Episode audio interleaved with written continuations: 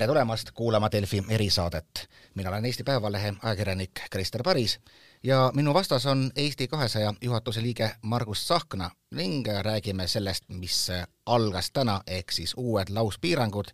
eriolukord, mis ametlikult ei ole eriolukord, nagu seda umbes sedastas peaminister Kaja Kallas, aga Eesti kahesaja käest küsime nõu sellepärast, et esiteks olete parlamendiväline erakond, teisest küljest ikkagi nii-öelda kriitiline opositsioon ja kolmandast küljest on Eesti kakssada olnud see, kes alati on rääkinud uut pika, pikast plaanist. no kõigepealt, noh, täna te vist saite kätte umbes selle, mida te juba pikemat aega taotlesite, ka teie erakonna juht Kristina Kallas ütles, et tuleb panna, panna kinni kõik kaasa arvatud lasteaiad, no lasteaiad on formaalselt lahti, aga kõik muu vist on nüüd hetkel nii-öelda taktikalises mõttes eh, saavutatud jaa, no Eesti kakssada kindlasti ei pretendeeri maailma kõige paremate viroloogide tiitlile, et me ikkagi usaldame eksperte ja meie väljaütlemised on ka seotud olnud eelkõige ekspertidele tuginedes. Ja kuskil kuu aega tagasi kirjutasin ma ka ise, et eh, kui tuli uus valitsus, siis äh, paratamatult tundus inimestele, et nüüd kõik muutub ja elu läheb helgemaks ja EKRE-t enam valitsuses ei ole. ja kahjuks andis ka peaminister Kaja Kallas tookord äh, väga selge sõnumi, et nüüd teeme ühiskonna lahti ja mis oli nagu natuke kurb, et Kaja Kallas ka ise kahtles erinevate piirangute nagu mõttekuses. ta ütles ju väga selgelt ka välja, et need on kaheldava väärtusega. Ja mis on tegelikult ju peaministri roll ja, ja mõnes mõttes valitsuse roll sellistes kriisides, ei ole selline igapäevane manageerimine, et milline piirang siis täpselt on õige või vale, et see võiks olla ikkagi ekspertide hinnata, vaid peaminister ja valitsus peab omama sellist liidri rolli, andma suuna, kuidasmoodi minnakse sellest kriisist läbi ja mis on suuremad eesmärgid näiteks ka see, et, et noh, sisendadagi ühiskonnale, et me saame sellest võitu, et, et mis on suur eesmärk, no näiteks Joe Biden, kui me vaatame, kui ta sai presidendiks, siis ei hakatud rääkima ju mitte sellest, et, et suur eesmärk on, et meditsiinisüsteem vastu peaks, vaid suur, suur, suur eesmärk on ikkagi võita kogu see koroonakriis ja pöörata ühiskond uuesti käima nii majanduse mõttes kui ka, kui ka sotsiaalses mõttes et see ambitsiooni puudus tegelikult ja selle pikema plaani puudus sellel valitsusel on see, mis toob kaasa ka sellised lühemaajalised väga sügavad tagasilöögid. ja nüüd seesama viimane tohutu kõrged numbrid, suremus, kõik see on ikkagi selle konkreetse valitsuse tegevuse tulemus, et nad ei saa enam vaadata kuskile minevikku ja öelda, et Jüri Ratas on süüdi või eelmine valitsus jättis tegemata. ehk siis me kindlasti ei ole mitte rahul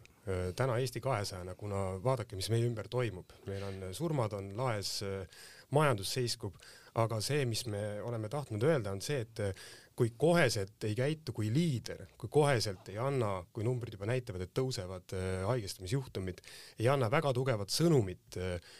ühiskonda,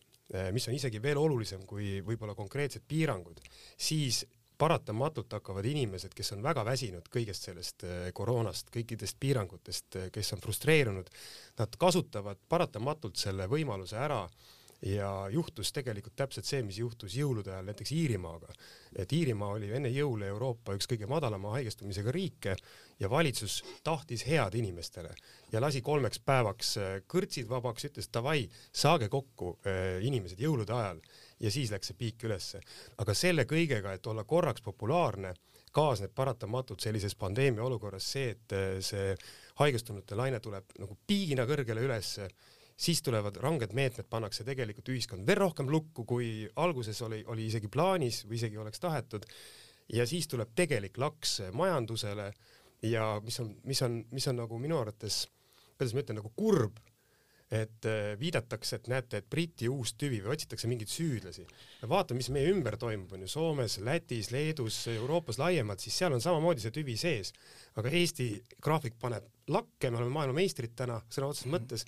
aga teised langevad, et selles mõttes nojah, Soome ju tõi ka sellesama Briti tüve just põhjenduseks oma rangetele piirangutele, seda tõsi, väga palju madalama nakatumisnäitaja pealt jaa, äh, et, et äh, lasti korra, lasti lõdvaks, taheti olla populaarsed, äh, taheti nii-öelda tuua muutust, anda inimestele lootust, aga tulemuseks on tegelikult see, et surmad on laes, inimesed surevad, ühiskond on kinni, sellel on palju pikemad tulemused tegelikult. Ja mis on, mis on nagu kurb, et mina tegelen nii-öelda Eesti ettevõtete Eestist väljaviimisega, et juhtub tegelikult see, et me kaotame kuskil paar kuud et kui meie näitajad hakkavad isegi lõpuks alla minema, siis me oleme ikkagi punane latern, meid ei lasta kuskile sisse enam. et noh, sellise nädalaajase odava populaarsuse tulemusena me saame tegelikult palju surnuid ja, ja suletud majanduse. see natukene meenutab ka näiteks, kui tuua veel näiteid Tšehhimaad, mis esimese laine täielikult oli, ületas suveks, oli nakatumisnäitaja null ja siis öeldi inimestele kõik ja kokkuvõttes hetkel me siis võitleme Tšehhimaaga esikoha nimel, aga see oli, ütleme, selline suvine esimese laine järgne eufooria, no praegusel hetkel no noh, kõik, kõik mudelid näitasid, et teine laine tuleb ja ka kuu aega tagasi ma usun, et ikkagi suurem osa nendest mudelitest näitas üsna selgelt, et kuhu me jõuame sellise käitumisega, järelikult see, see pidi olema valitsuse plaan, nad pidid kuidagi olema ikkagi endas kindlad, et sellest me noh, kuidagi sumpame läbi, tuleme välja. et kas siis no lõpuks ei pidanud ikkagi närr vastu või kuidas sa seda seletad? Ei, ma arvan, et see oli lihtsalt eh, ebarealistlik eh, või pettekujutel, mis oli võib-olla Kaja Kallasel ja, ja võib-olla vähem isegi Keskerakonna ministritel, kes lihtsalt olid ju põhimõtteliselt samad inimesed, kes olid ju olnud juba eelmise nii-öelda laine ajal eh, valitsuses. et, et tuldigi nagu muutma kõike, aga kriisis, eriti viiruskriisis või pandeemias see ei allu nagu poliitilisele tahtele ja unustati ära, et selline odav populaarsus maksab lõpuks reaalselt kätte, et siin on teatud reeglid. lihtsalt see äh, see, see viirus levib mingi loogikaga, kui inimesed kohtuvad, siis ta levib, lihtsalt midagi pole teha, kui, kui, kui peaminister ütleb, et, et ma keelan, et see, ta ei leviks, siis see ei tööta, see ei allu sellele. et seal tehti see vale arvestus ja, ja nüüd tuleb see raske, raske nagu koorem peale, teine pool on muidugi see, et et äh, kõik see toimetamine, noh, minu, minu hinnangul täna valitsusel puudub nagu poliitiline siht et kui valitsus tegi siis uue koalitsioonilepingu, öeldi väga selgelt välja, et see koalitsioonileping tuleb täiesti ambitsioonitu, et ta ei tule konkreetne, me ei pane kaheks aastaks, mis on järgmiste valimisteni aega, ühtegi sellist reaalset tegevust no,, vaid me kontsentreerume äh, koroonakriisi äh, seljatamisele. see oli väga selgelt see sõnum, et ärge olge kriitilised meie koalitsioonilepingu suhtes, me niikuinii midagi ei tee, me võitleme koroonaga. aga nüüd see ainuke eesmärk, mis nad seadsid on nüüd totaalselt ju ebaõnnestunud. kas, kas praegu vähemalt on siis nagu kommunikatsiooniga ikkagi korras, et noh, selge sõnum,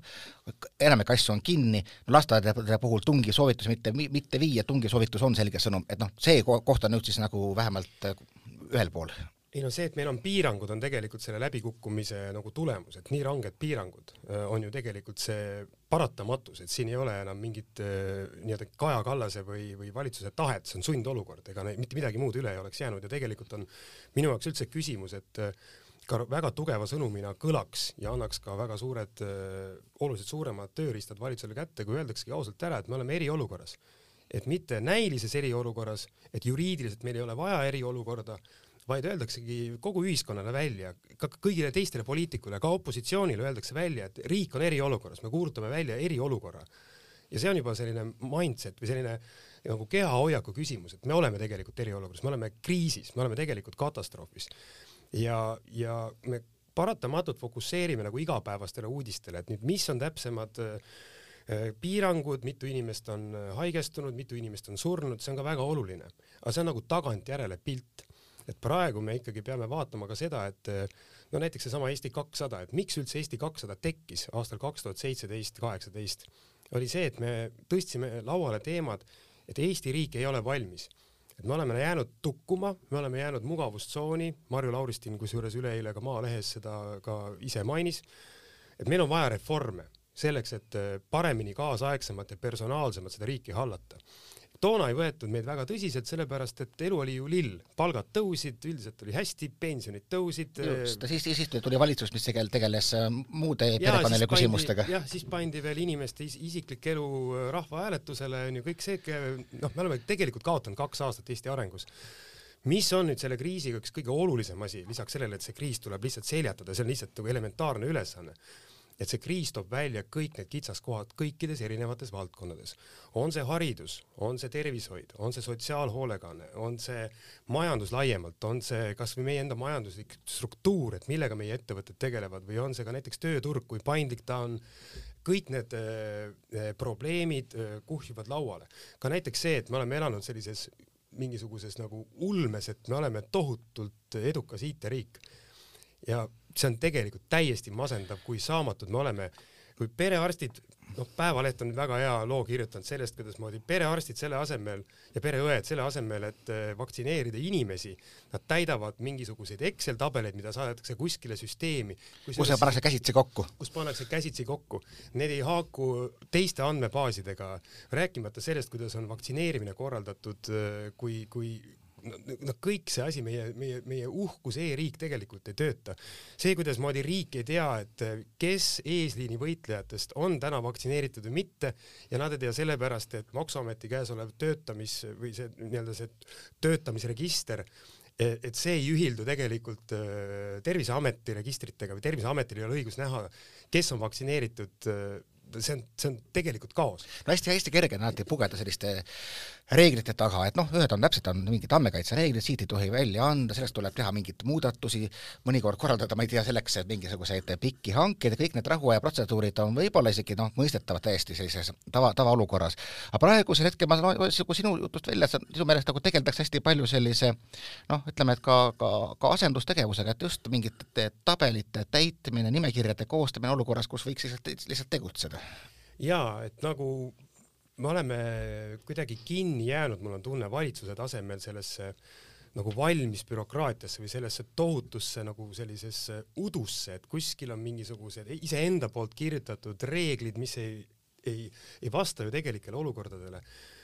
mulle meeldib seesama see vaimsus, mis kunagi oli, kui Eesti Vabariik sai iseseisvaks, tehti suuri reforme, isegi need kahe tuhandendad aastad. mul on endal kogemus äh, äh, kahe tuhande kaheksanda ja üheksanda aasta majanduskriisi ajast, kui inimesed mäletavad seda. see oli küll teistsugune kriis, ta oli finants- ja majanduskriis, et ta ei olnud oht inimeste elule, aga me suutsime isegi siis äh, kuidagi välja mõelda sellest olemasolevast kastist ja minna tegema reforme, tegema selliseid erakorralisi samme et mul on samasugune üleskutse sellele valitsusele, et tulge sellest, sellest valmis sellisest mugavustsoonist välja, mõelge nüüd, et mis on suur, e-, suur eesmärk. pandeemia mõttes see tuleb äh, seljatada, inimesed tuleb vaktsineerida võtku raha meil täna riigieelarves on, meil on raha ka võimalik äh, laenuna tõsta, mida iganes. muretsege see vaktsiin, võtke eeskuju Iisraelist, ilma naljata, see on võimalik tegelikult. et sa oled võima... paned, paned, paned ette, et ikkagi me peaksime tõesti ka Euroopa Liidu väliselt tegelema aktiivsete lisadooside otsimisega, sõlmima kokkuleppeid ravimifirmadega, noh nagu Iisrael pakkus põhimõtteliselt, sai vaktsiinid andmete vastu ja kõik muu taoline. absoluutselt, minema täiesti teistsuguse käitumisega peale, sest me oleme väike riik, meil on see eelis, et me ei pea taga lohistama, ma ei tea, neljakümmend, viitekümmet miljonit inimest ja, ja kogu seda bürokraatiat. et see ongi see, mis annab meile konkurentsieelise selles samas keerulises olukorras. võtame erasektori appi, erasektor küsib, palun, me tuleme teile appi. ei juba käib selline võitlus, et me ei vaja teie abi sellepärast, et me saame ise hakkama. see on mingi, mingi lollakas jonn, vabandust väga. paneme kõik, kõik jõud ühes suunas liikuma vaktsineerimine võimalikult kiiresti, vaktsiinid kätte, maksame kasvõi rohkem raha selle eest, ma arvan, et ühiskond võidab rohkem, kui me paneme veel kakskümmend, kolmkümmend miljonit lisaks riigieelarvest vaktsiinide saamisele. Pärast tuleb see kasuna palju, palju mitmekordselt tagasi. et nagu selline, selline leadership'i nagu, nagu positsioon või kehahoiak on nagu puudu meil ei ole vaja peaministrit või ministrit, kes tulevad ja raporteerivad tegelikult äh, ekspertide ja, ja teadlaste seisukohti, selleks on nad ise olemas, teadlased, eksperdid. meil on vaja leadership'i. ehk siis juhtimistasand on natuke liiga, liiga madal, ehk peaminister tegeleb osakonna juhataja ülesannetega? jaa äh,, ambitsioon on puudu ja, ja kusjuures see, see osakonnad ka veel omavahel nii-öelda ministeeriumite kaupa silotornides, igaüks tegeleb veel oma jupiga, need omavahel ei käi kokku. et siin ongi vaja sellist katust, et valitsus ongi see liidri, liidri rolli mängija, peaminister ongi see liider, kes ütleb, et mulle aitab kui näiteks ma ei tea, Terviseameti juht ja peaminister esitavad erinevaid andmeid, nagu siin paar päeva tagasi juhtus, onju, peaminister ütleb, et et Briti tüvi on juba üle üheksakümne protsendi, Briti tüvi on kõiges süüdi, järgmine päev teatab Terviseameti juht, et see on vale, ütleb kolm konkreetset argumenti, et peaminister on valetanud. Siis õhtuks tegelikult äh, Terviseameti juht äh, saadab, et vabandust, et ma natukene võib-olla isegi nagu eksisin ja niimoodi, see kõik on täielik kaos et, et kui, kui peaminister ei tea täpselt, milles asi on, ärgu siis rääkigu, öelgu, et me tuleme läbi, andku seda sõnumit, onju, ja las siis Terviseameti juht seletab või kui Terviseameti juht nüüd valetas, siis lasku, lasku Terviseameti juht lahti töölt. et sellist segadust lihtsalt, see tekitab ülimalt palju ebakindlust. no meil on siin olnud Päevalehes korduvalt olnud üleskutsed nii kaasata erasektorit kui ka näiteks siis pannagi veel selgemalt paika vastutajad, kes neid silotorne ületaksid, oleks näiteks, ma ei tea nüüd praegusel hetkel siis mitte enam digipöörde, vaid digiremondi tsaar, ütleme nagu, kui kasutada inglisekeelset väljendit, või siis vaktsineerimise oma, kes ütlebki, et nii, et minu sõna on teist üle, te, te lõpetate praegu selliste nimekirjade omavahel võrdlemise ja vahetamise, vaid teete seda, teist ja kolmandat, et oleks teil sellisest asjast abi? absoluutselt, et nüüd valitsus peabki käituma meeskonnana, kes on kogunenud ümber peaministri, peaministril peab olema visioon ja selle asemel, et äh, ministrid käivad oma ministeeriumite majades, hommikul auto viib neid tööle ja õhtul viib koju, ma olen kindel, et need ministrid teevad hommikust õhtuni tohutu palju rasket tööd, nad teevad hästi palju erinevaid pabereid, loevad läbi, käivad miljonitel koosolekutel, ma olen ise valitsuses olnud, hästi lihtne on ära uppuda sinna. tegelikult peaks nad astuma nii-öelda mitu sammu eemale kogu sellest jamast ja hakkama poliitiliselt seda juhtima, täpselt nagu sa ise ütlesid.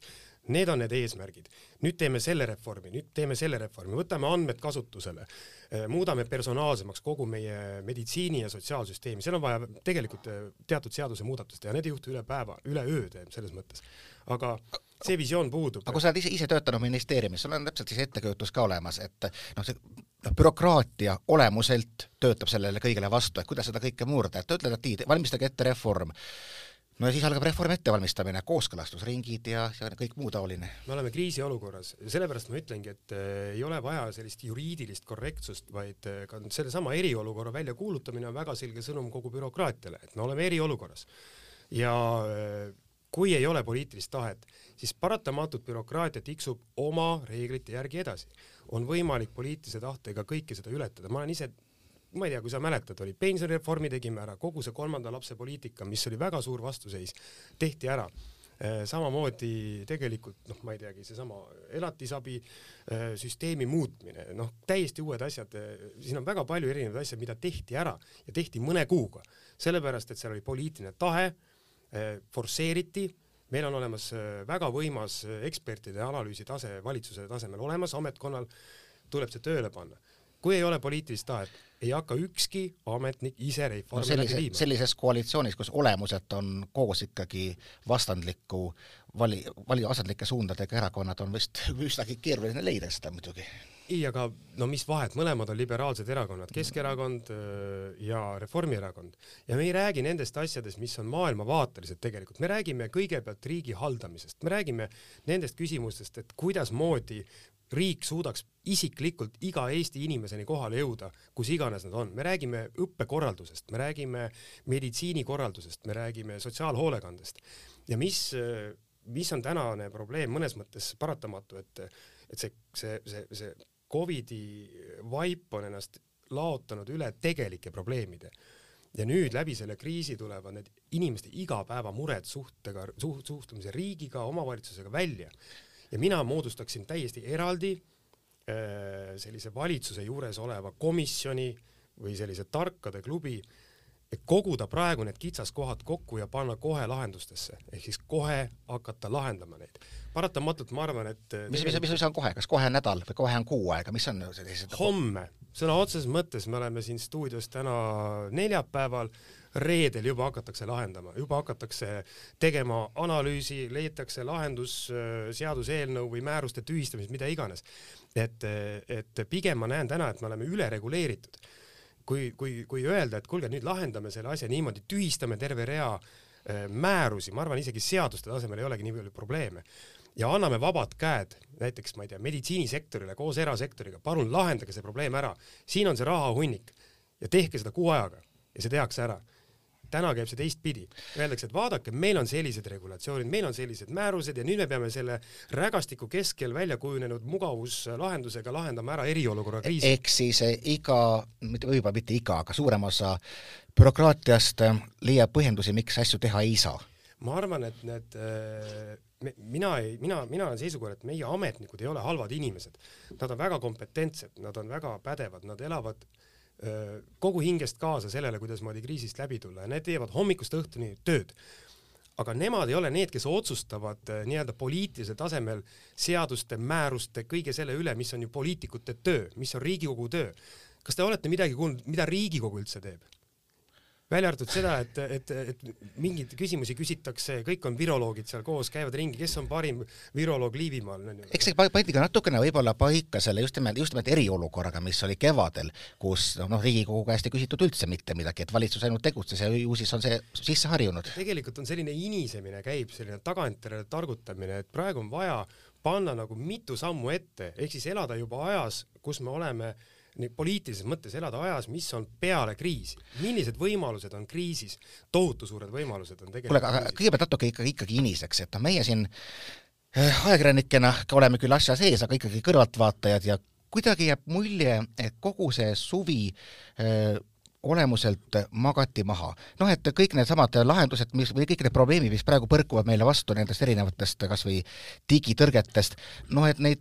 pidi olema võimalik ette näha, oli ette näha teise laine tulek, et ta nii suur tuleb, võib-olla mitte, aga oli näha, et tuleb, et kogu see aeg kuidagi jäi mulje, et, et ka, mis puudutab e-õpet ja distantsõppe korraldust ja et noh, mulje oli suvel, et kõik puhkavad. ja ometi oli nagu sisimas väikene tunne, et see pole ometi võimalik, et tegelikult ikkagi tegeldakse. kas see lihtsalt oli siis ikkagi üle jõu käiv ülesanne antud olukorras, kus hetkel oli parasjagu kõik nagu just nagu rahulik? Ei no tuletame meelde, mis suvel oli, et tundus, et korraks läks kergemaks, ilm läks soojemaks, äh, numbrid läksid natuke alla ja, ja kuigi kõik eksperdid absoluutselt üle maailma, WHO eesotsas ütles, et sügisel tuleb uus laks, tuleb uus öö, öö, laks peale. see aeg lasti täiesti raisku ja ma ei tea, miks, päriselt ka ei tea, miks. poliitilisel tasemel, kui te mäletate, tegeleti hoopistükkis selle teemaga, et kas panna siis abielu rahvahääletusele või mitte sellepärast ma ütlen, et tegelikult eelmisel valitsusel suuremate otsuste mõttes läks kaks aastat Eesti riigi arengus raisku. olid lootused ja minul olid ka väga suured lootused, kui tuleb uus valitsus, paneb nii-öelda, kasutab ära selle alles jäänud kaks aastat ja juba siis oli tegelikult ju näha, et mis, millised on kriisis äh, välja tulnud kitsaskohad. ei ole mitte midagi juhtunud. paratamatult need neli aastat, mis nüüd on olnud eelmisest valimistest kuni kahekümne kolmanda aastani, on lihtsalt toimunud selline lohisemine see läheb maksma, ma arvan, päris mitu tuhat inimelu, see läheb maksma inimeste vaimse tervise, majanduslikku heaolu ja ühtegi suuremat põhimõttelist otsust ei tehta. ja selle tunnistuseks on kasvõi see, et äh, alati, kui tuleb uus valitsus äh,, kui ta eriti veel ütleb, et nüüd ma teen kõik teistmoodi, nüüd ma panen käima Eesti majanduse, Eesti hariduse, Eesti sotsiaalse süsteemi, nii nagu oli lubatud, hakkab tegelema lisaeelarvega eelarve on ainukene päris tööriist valitsusel, millega ta juhib poliitikaid, millega ta juhib tegevusi, millega ta finantseerib, millega ta teeb tegelikult otsused ära. täna on märtsikuu, me ei ole kuulnud lisaeelarvest selle sõna otseses mõttes mitte midagi. rahandusminister Eesti kahesaja surve all ütles, Keit Pentus-Rosimannus, ma andsin korralduse valmistada ette lisaeelarve ja siis lisas järgmise lause mõtte, aga see lisaeelarve ei võta lahti olemasolevat eelarvet, vaid me hakkame tegelema äh, valitsuse reservi jagamisega. selleks ei ole vaja, head inimesed, lisaeelarvet. valitsus võib igal valitsuse koosolekul otsustada valitsuse reservi kasutamist. see, et me anname nüüd äh, lisatoetusi majandusele, äh, tööturumeetmed, see on elementaarne, see on elementaarne aga mida peaks tegema uus valitsus, oleks pidanud kohe tegema, võtma lahti EKRE, Isamaa ja Keskerakonna poolt kokku lepitud eelarve, riigieelarve strateegia samuti neljaks aastaks ja ütlema, et see ei lähe meie poliitikad on sellised, meie teeme ära vot sellised reformid, sellised reformid, sellised reformid, need maksavad nii palju, nii palju, nii palju. teine asi, Euroopa lisaraha üle viie miljardi. see oli praeguse valitsuse käes teha see ümber, võtta uued prioriteedid, mitte midagi ei tehtud. tuleb ikkagi Tallinna haigla, tuleb ikkagi ulmeline rong äh, Haapsalust läbi, ma ei tea, kuhu, Hiiumaale välja. tegelikult see Kaja Kallase valitsus lihtsalt viib ellu äh, Mart Martin Helme poolt rahandusministrina sõnastatud poliitikat. see on reaalsus. aga miks see nii on? puhtalt, puhtalt sellepärast, et tehti minimaalsete väikse, väiksemate ühisnimetajatega koalitsioonileping? ma arvan, et selle, selle nagu juurprobleem ongi selles, nagu sa ise ütlesid, et koalitsioonilepingut või koalitsiooni tehti suures hirmus, et äkki jätkab sama valitsus. Kaja Kallas oli nõus ja andis ära kõik, mis oli, oli tegelikult tal laua peal olemas. ja ta on paratamatult sarnases olukorras nagu Jüri Ratas oli eelmises valitsuses, kes kartis, et äkki EKRE läheb ära, vabandas nende eest ja nii edasi. nüüd on Kaja Kallas, kardab kaotada oma peaministri seda saua, mis on seal käes tal onju, ja annab poliitiliselt kõik ära. ja selles mõttes on kahju, et mul, mul, ma ütlen ausalt, mul ei ole isiklikult Reformierakonna suhtes mingit sümpaatiat, et mul on, mul on nagu ükstapuha, noh, toetusnumbrid on suured, kõik on arusaadav praegu. mul on kahju sellest ajast mis praegu läheb Eesti riigile ja Eesti inimestele tegelikult kaotsi. Et see, see, see lohisemine käib ja ei saada aru, et kriis on võimalus. See on suurepärane võimalus võtta lahti praegu eelarve, võtta lahti tegelikult see Euroopa plaan, see ei ole Euroopasse praegu ära esitatud, tegelikult see menetlus veel käib seal arutada seda, et kas võtta lisaraha tegelikult veel laenuks ja investeerida seda ja mitte investeerida kuskile Porto Franco sugustesse objektidesse, vaid investeerida inimestesse. sest et see kriis on välja toonud selle, et meil on tegelikult inimkapitaliga kõige suuremad probleemid. me vaatame õpetajaid, vaatame meditsiinitöötajaid, vaatame sotsiaaltöötajaid, vaatame kõike seda, mis on seotud inimestega. praegu oleks suurepärane võimalus, kus kogu maailm ja kogu Euroopa trükib raha juurde palun investeerige. just nimelt, noh, Euroopal on ennekõike küljes siis selline roheline lipik, et te, tehke, tehke rohepööre ja ma saan aru, et oh, see nagu ikkagi on enam-vähem valitsuse kavas, et need ütleme konkreetselt, mis puudutab põlevkivienergeetikat, noh need on ikkagi üsna selliste selgete ja lä-, lähedaste tärminitega, et millal, millal lõpetada, ehk siis see, seal nagu forsseeritakse ikkagi. kas, kas me oleme näinud tegelikult tegevusi, ma ennustan seda, et kuna kohalikud valimised on juba sellel sügisel, unustage see rohepöörde jutt ära, sellepärast et Keskerakond hakkab väga selgelt mõtlema selle peale, et kuhu kaovad nende vene valijad Ida-Virumaal. Seal pannakse full stop peale juba praegu käib selline natuke udune jutt, vaatame, mõtleme, onju. ja siis on kahekümne kolmanda aasta valimised juba peal ma ennustan, et mitte midagi suurt ei juhtu, sellest on väga kahju, ka rohepöörde mõttes näiteks. kui kogu Euroopa Liit paneb oma suure eelarve prioriteetina ongi rohepööre ja digipööre, siis Eesti riik nagu käib tagurpidi praegu. ja, ja ma tõesti, ma pean kõikidest inimestest lugu, kes on valitsuses, kes on ministritena valitsuses ja ma tean seda, et hommikul vara minnakse tööle, õhtu hilja tullakse kohale tehke korraks üks paus, mõelge, miks te seal on, mis on teie jalajälg ajaloos, millisena te tõite välja Eesti riigi sellest kriisist. see kriis paratamatult ühel hetkel lõpeb, ükspuha kui kõrged on ohvrid, aga Eesti riik võiks sealt välja tugevamana tulla, mitte, mitte nagu, nagu täiesti läbi raputatuna ja arusaadavalt, et Läti paneb ka meist mööda. Hannes Astok, vabandust, ma lõpetan ära, Hannes Astok, vana Reformierakonna võitleja, kes tegeleb nii-öelda väljaspool Eestit täna diginõustamisega üt-, julges välja öelda, et Läti on meid IT arengus mööda pannud, jõhkralt mööda pannud. no come on, Eesti inimesed ja Eesti poliitikud, kui Läti paneb mööda, siis mis meid veel üles ärataks? no just nimelt, et me oleme siiamaani olnud ikkagi noh, see e-Eesti on ikkagi selline uhkuse asi ja noh, praegu näeme tõesti, et sees, seestpoolt ligadi-logadi, väljaspoolt ikkagi, kui ma räägin inimestega, kes suhtlevad väljaspool, ütlevad, et ei, see kuvand on ikkagi väga tugev. mis arvate, on meil võimalus midagi veel sellist noh, teistele veel eksportida ikkagi endiselt, ma ei tea, enda mingit lahendust, no Urmas Reinsalu rääkis, et Eesti võiks olla koroonapasside puhul niimoodi eestvedajaks, on see nagu tehtav? no erasektor teeb võimsalt ju tegelikult järjekordselt sel nädalal Londoni börsil nomineeriti üks uus nii-öelda unicorn ehk siis mis seal on see ükssarvik onju et Eesti erasektor paneb võimsalt, võrreldes muude riikidega üle maailma kindlasti meie digikeskkond on võimas, kasvõi seesama ID-kaart, mis on riigi poolt tagatud turvalisusega ja eh, see on ainulaadne maailmas onju aga seda enam on minu jaoks küsimus, miks me ei kasuta ära neid võimalusi, et meie ei pea minema reformima nullist kogu ühiskonda, meie inimesed ootavad, et palun suhtuge meisse isiklikult, meil on andmed käes. Hans Hasluik on väga hästi esinenud, avalikult öelnud ka, et miks me ei kasuta ära nii-öelda seda suuri, suurandmeid. Selle jaoks, et juhtida oma teenuseid ja teha poliitilisi otsuseid vaid me, vaid me tõstame käsitsi ühest Exceli tabelist teise endiselt. jah, et miks me, no see on ju tohutu raiskamine, no minu, minu unistus on see, et riik võiks võtta ära need tõkked, eelkõige bürokraatlikud tõkked, et lasta inimestel oma potentsiaal avada, lasta personaalselt oma potentsiaal avada, ükspuha millises kohas nad elavad, millist eh, sugu nad on, millist usku nad on, millise seksuaalse sättumusega nad on, see ei ole oluline, et personaalselt on võimalik teha ühte koma, ühe koma kolme miljoni inimesega, eriti selle andmete hulga pealt, mis meil on, ja samamoodi ettevõtjatega, laske Eesti ettevõtjatel avada oma potentsiaal. Eesti ettevõtjad ei tahagi seda, et andke meile iga kuu mingit toetust vastupidi, võtke need tõkked ära, kaasake meid, andke näiteks seesama, sa küsid, milline on võimalus.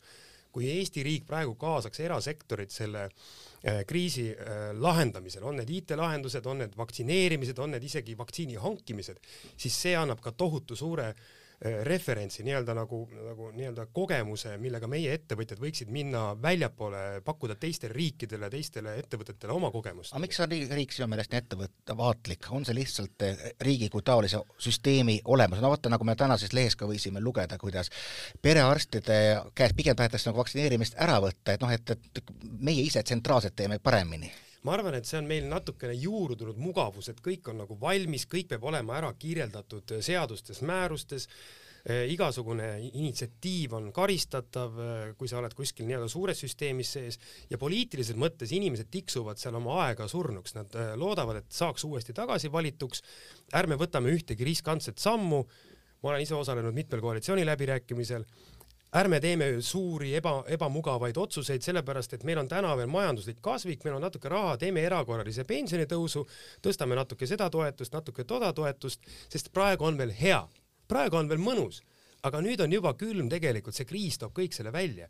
Ja ma ei süüdista siin nüüd, et Kaja Kallase valitsus tuli nüüd äh, kaks kuud või poolteist kuud tagasi, et miks on kõik tegemata, ma ei süüdista absoluutselt Kaja Kallast selles. ma süüdistan teda praegu, et ta ei võta initsiatiivi. Ehk siis ta, nagu sa ise ütlesid, et ta nagu tegeleb osakonna juhataja tööga. ta on peaminister, esimene Eesti naispeaminister. võtku Margaret Thatcherist eeskuju, kuidasmoodi Thatcher läks vastu nendele ametiühingutele, kogu ühiskond oli tagajalgadel. Ja ta tegi ära sellised muudatused, mis aastaid hiljem räägitakse, et pärast seda britid tõusid jalgele peale teist maailmasõda esimest korda alles. Et, et noh, vot see on see võimalus, mis täna on olemas. Ja, ja selline rock and rolli või selline nagu vaimustuse või, või kuidas ma ütlen, selline piiride väga kaugele lükkamine, selline pikkade plaanide tegemine, selline visiooni andmine, vot see on täna see, mis on puudu, oleme ausad. ja see annaks ka inimestele usku. see annaks ka inimestele usku läbi tulla sellest väga raskest äh, olukorrast. võib-olla selle pika või suurema plaani sihi andmine äh, toob inimesi kuidagi kokku ja nad on nagu, nagu saavad aru, et okei okay,, teeme täna need rasked otsused ära, kanname seda maski, oleme eraldi, aga me teame, et me tegeleme selle, nende reaalsete probleemide lahendamisega, on need meditsiinis, on need hariduses. Nad ei taha kogu aeg saada seda raportit lihtsalt peaministri käest, et täna nii palju surnuid, täna nii palju. no see on nagu sama mentaliteet, nagu kunagi oli võib-olla kartulikoorte söömisega. aga võtame praegu veel lõpuks kokku, et noh, ikka kui on selline kriis, siis üks lihtne nähtav lahendus avalikkusele, isegi kui see midagi ei lahenda, on alati personaalküsimused. me oleme ise siin ajakirjanike seas mõnikord naljatanud, et kui oleks praegu EKRE valitsus ja selline kaos nagu vahepeal val-, no vahepeal nagu valitseb vaktsineerimises, me nõuaksime nii mõnegi ministri tükkhaaval ministeeriumist välja koukimist, kas, kas praegu oleks juba aeg teha mingeid personalimuudatusi ka? no võib-olla päris varsti on aeg tegelikult ja, ja siin peaks Kaja Kallas nagu ka väga selgelt jala maha panema, et kas ta on peaminister või ta ei ole peaminister, et et eh, siin ei ole enam mõtet eh, rääkida, et ma ei tea, Marika Priske on süüdi või kes iganes, kindlasti nad ongi süüdi väga paljus eh, korralduslikus asjades, aga aga ühel hetkel noh, mis on hea, et inimesed on tänapäeval kuidagi toetavad või üldine seisukord on ikkagi see, et võtame ennast kokku, aga varsti hakatakse verd nõudma. et noh, see kindlasti ei tule sellele valitsusele nagu kasuks. Ja oleme ausad, ega inimesed tänavalt ei tule ju ministri tagasiastumist nõudma, vaid tavaliselt on need teised poliitikud ja tavaliselt on need sama nii-öelda koalitsiooni seest ja Keskerakonna seis on väga halb, väga halb. Pers perspektiiviga kohalikud valimised ja Riigikogu valimised. et äh, see poliitiline murenemine tuleb ja ma ei välista, et me näeme tegelikult juba sügisel äh, teist valitsust. Nii, aga igatahes täna on pilt selge, uued piirangud on hakanud kehtima esialgu kuuks ajaks, vaatame, kaua nad ka siis päriselt toimivad, igal juhul suur aitäh tulemast stuudiosse Eesti kahe, vabandust, Eesti kahesaja juhatuse liige Margus Tsahkna.